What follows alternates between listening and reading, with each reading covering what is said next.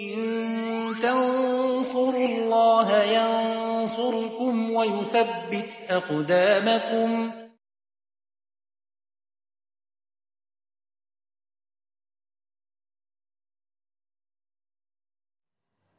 إن الحمد لله نحمده ونستعينه ونستغفره ونعوذ بالله من شرور أنفسنا وسيئات أعمالنا. من يهده الله فلا مضل له ومن يضلل فلا هادي له وأشهد أن لا إله إلا الله وحده لا شريك له وأشهد أن محمدا عبده ورسوله. يا أيها الذين آمنوا اتقوا الله حق تقاته ولا تموتن إلا وأنتم مسلمون. يا أيها الناس اتقوا ربكم الذي خلقكم من نفس واحدة وخلق منها زوجها وبث منهما رجالا كثيرا ونساء واتقوا الله الذي تساءلون به والأرحام إن الله كان عليكم رقيبا يا أيها الذين آمنوا اتقوا الله وقولوا قولا سديدا يصلح لكم أعمالكم ويغفر لكم ذنوبكم ومن يطع الله ورسوله فقد فاز فوزا عظيما أما بعد فإن أصدق الحديث كتاب الله وخير الهدي هدي محمد صلى الله عليه وآله وسلم وشر الأمور محدثاتها وكل محدثة بدعة وكل بدعة ضلالة وكل ضلالة في النار. معاشر المسlimin jamaah yang oleh Allah.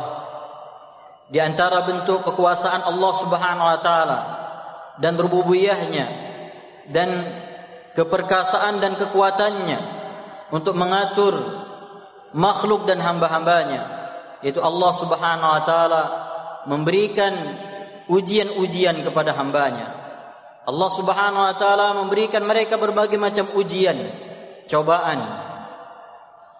Dan itu menunjukkan dialah Allah Subhanahu wa taala satu-satunya Rabb yang mengatur alam semesta. Dialah Allah Rabbul Alamin, Rabb semesta alam yang mengatur alam semesta ini sesuai dengan kehendaknya. Allah Subhanahu wa taala menguji kita. Allah Subhanahu wa taala memberikan kepada kita cobaan. Allah Subhanahu wa taala berfirman wa balawnahum bil hasanati was sayyiat la'allahum yarji'un kami uji mereka dengan kebaikan dan keburukan agar mereka kembali kepada Allah Subhanahu wa taala wa nabluukum bisyarri wal khairi fitnah wa ilaina turja'un kami menguji kalian dengan keburukan dan kebaikan sebagai fitnah sebagai ujian dan kalian akan kembali kepada kami Allah Subhanahu wa taala menguji hambanya dengan berbagai macam ujian. Bahkan Allah Subhanahu wa taala menguji hamba-hamba terbaiknya. Para nabi adalah orang-orang yang paling berat ujiannya. Bahkan Allah Subhanahu wa taala ketika menguji hamba-hambanya, terkadang dengan hikmah yang Allah Subhanahu wa taala kendaki, Allah jadikan ujian itu berlangsung dalam waktu yang cukup lama. Dan ini didapatkan oleh para nabi sebelum manusia setelah mereka. Nabi sallallahu alaihi wasallam bersabda, "Inna ashaddan inna ashaddan nasi bala'an al-anbiya." Sesungguhnya manusia yang paling berat ujiannya adalah para nabi. Dan ingat jamaah yang dirahmati Allah, Nabi sallallahu alaihi wasallam bersabda, "Ma baqiya min ad-dunya illa bala'un wa fitnah." Tidak ada yang tersisa dari dunia ini melainkan hanya ujian dan fitnah. Dan ketika Allah Subhanahu wa taala menguji kita, Allah Subhanahu wa taala dengan hikmahnya menjadikan ujian itu berlangsung cukup lama. Lihatlah Nabiullah Ayyub alaihi salam diuji oleh Allah Subhanahu wa taala dengan ujian yang menimpa hartanya, keluarganya dan sebelumnya ada diri beliau alaihi salatu wassalam. Dan ujian yang beliau dapatkan berlangsung selama 18 tahun. Sehingga beliau memohon kepada Allah Subhanahu wa taala sehingga Allah Subhanahu wa taala memberikan jalan keluar.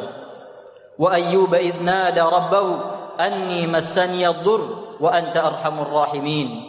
Dan Ayub memohon kepada Rabbnya sesungguhnya aku ditimpa oleh penyakit sementara engkau maha pengasih lagi maha penyayang begitu juga Nabiullah Yaqub alaihissalam diuji oleh Allah Subhanahu wa taala dengan hilang putra kesayangan beliau yaitu Nabi Yusuf alaihi salam. Nabi Yusuf hilang dari pandangan Nabi Yakub selama 40 tahun dan ada yang mengatakan lebih dari itu.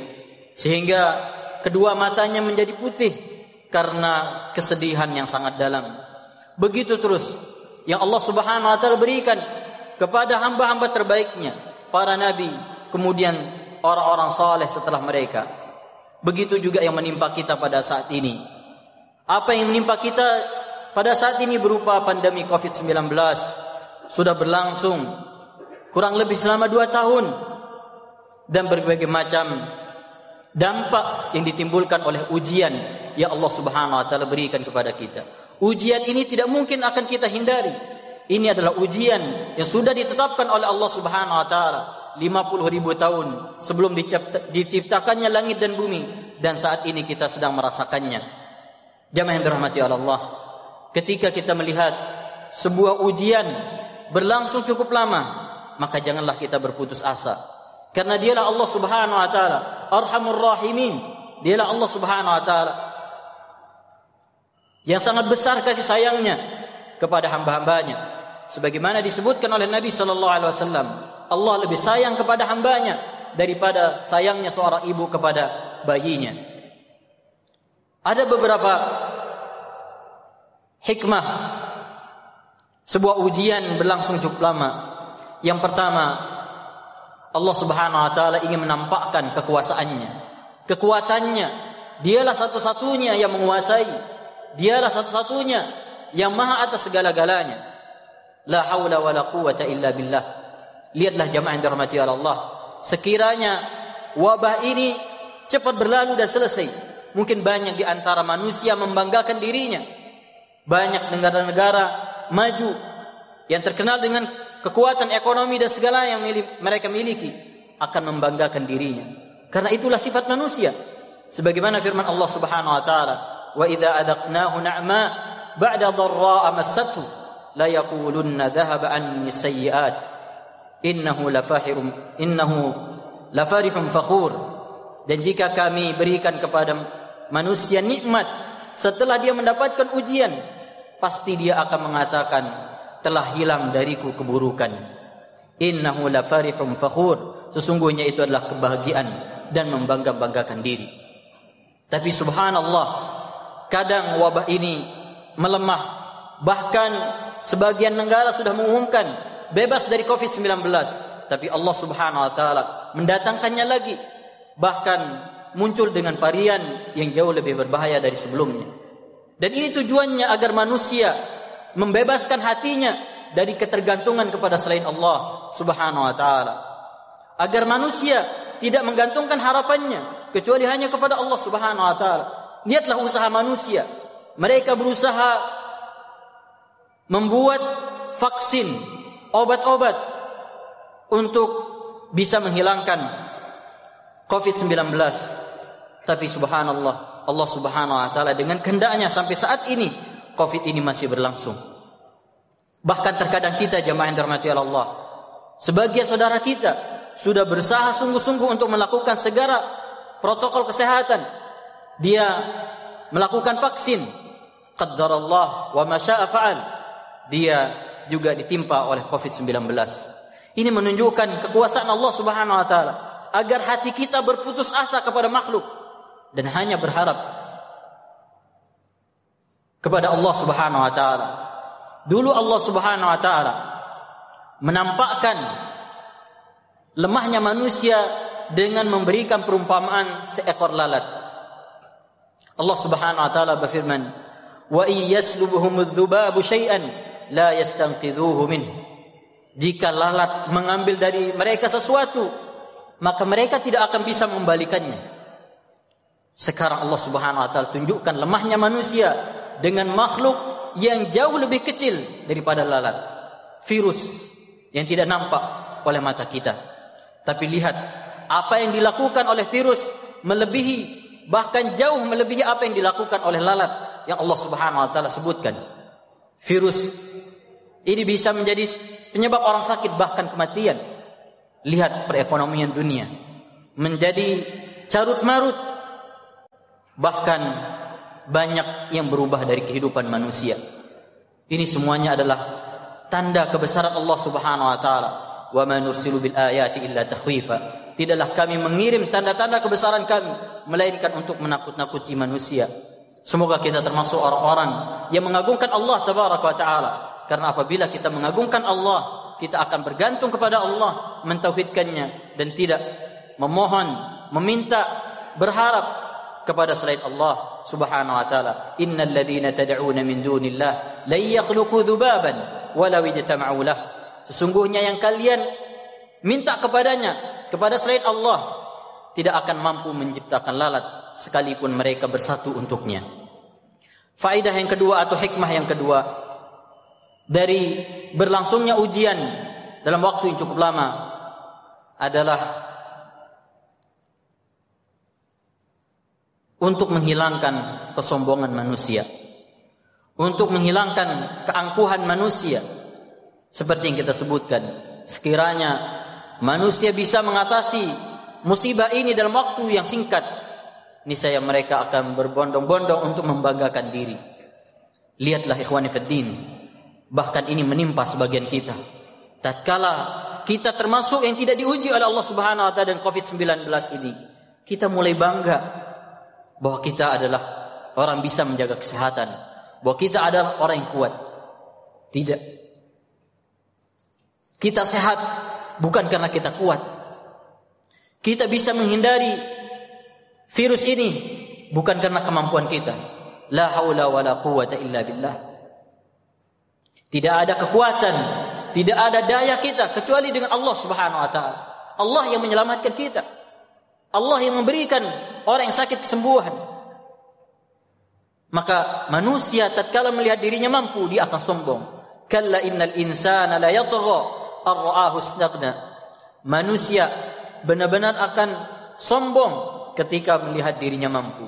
Maka dengan adanya COVID-19 dan ini berlangsung dalam waktu yang cukup lama yang baru terjadi dalam sejarah modern manusia ini menjadikan kita berpikir apakah masih ada sifat sombong di dalam diri kita? Allah Subhanahu wa taala menguji kita dengan makhluk yang sangat kecil. Tapi lihat kekhawatiran kita. Lihat kekhawatiran dunia. Pantaskah kita sombong? Pantaskah kita tidak tunduk kepada Allah Subhanahu wa taala? Padahal Allah Subhanahu wa taala memberikan ujian ini agar kita menampakkan kelemahan kita di hadapan Allah Subhanahu wa taala agar kita tahu bahwa kita adalah manusia lemah. Allah Subhanahu wa taala tunjukkan dengan virus ini, manusia seluruhnya di muka bumi ini lemah. Mereka bersatu, mereka berusaha, bahkan mereka bermusyawarah, berdiskusi untuk bisa melawan atau membasmi COVID-19, tapi sampai saat ini Allah Subhanahu wa taala belum menghilangkannya. Faidah atau hikmah yang ketiga agar manusia menampakkan berbagai macam ibadah kepada Allah Subhanahu wa taala di saat mereka mendapatkan ujian. Sebagaimana yang kita sebutkan dari firman Allah Subhanahu wa taala tadi, "Wa balawnahum bil hasanati was la'allahum yarji'un." Kami uji mereka dengan kebaikan dan keburukan agar mereka kembali kepada Allah Subhanahu wa taala. Lihatlah ibadah yang nampak dari manusia ketika mendapatkan ujian. Ibadah sabar, ibadah tawakal, bertaubat kepada Allah, bahkan ada orang yang mendapatkan hidayah dan memeluk agama Islam dengan sebab COVID-19. Maka kita sebagai seorang hamba harus menampakkan ubudiyah kita kepada Allah Subhanahu wa taala terlebih lagi di saat kita mendapatkan ujian-ujian seperti ini. Terkadang jemaah yang dirahmati Allah, nikmatnya beribadah itu kita rasakan tatkala Allah Subhanahu wa taala memberikan kepada kita ujian. Dan subhanallah. Dan ini kelalaian manusia dan jahilnya manusia setelah Allah Subhanahu wa taala selesai mengujinya dia kembali kepada kelalaiannya kembali berbuat maksiat kepada Allah Subhanahu wa taala di ujian-ujian seperti ini akan nampak sabaran akan nampak tawakal kita kepada Allah, akan nampak taubat, perbanyak istighfar dan juga kebaikan-kebaikan yang lain. Dan itulah tujuan dan hikmah Allah Subhanahu wa taala menguji kita. Aku luma matasma'un astaghfirullah li wa lakum wa li sa'iril muslimin fastaghfiruh innahu huwal ghafurur rahim.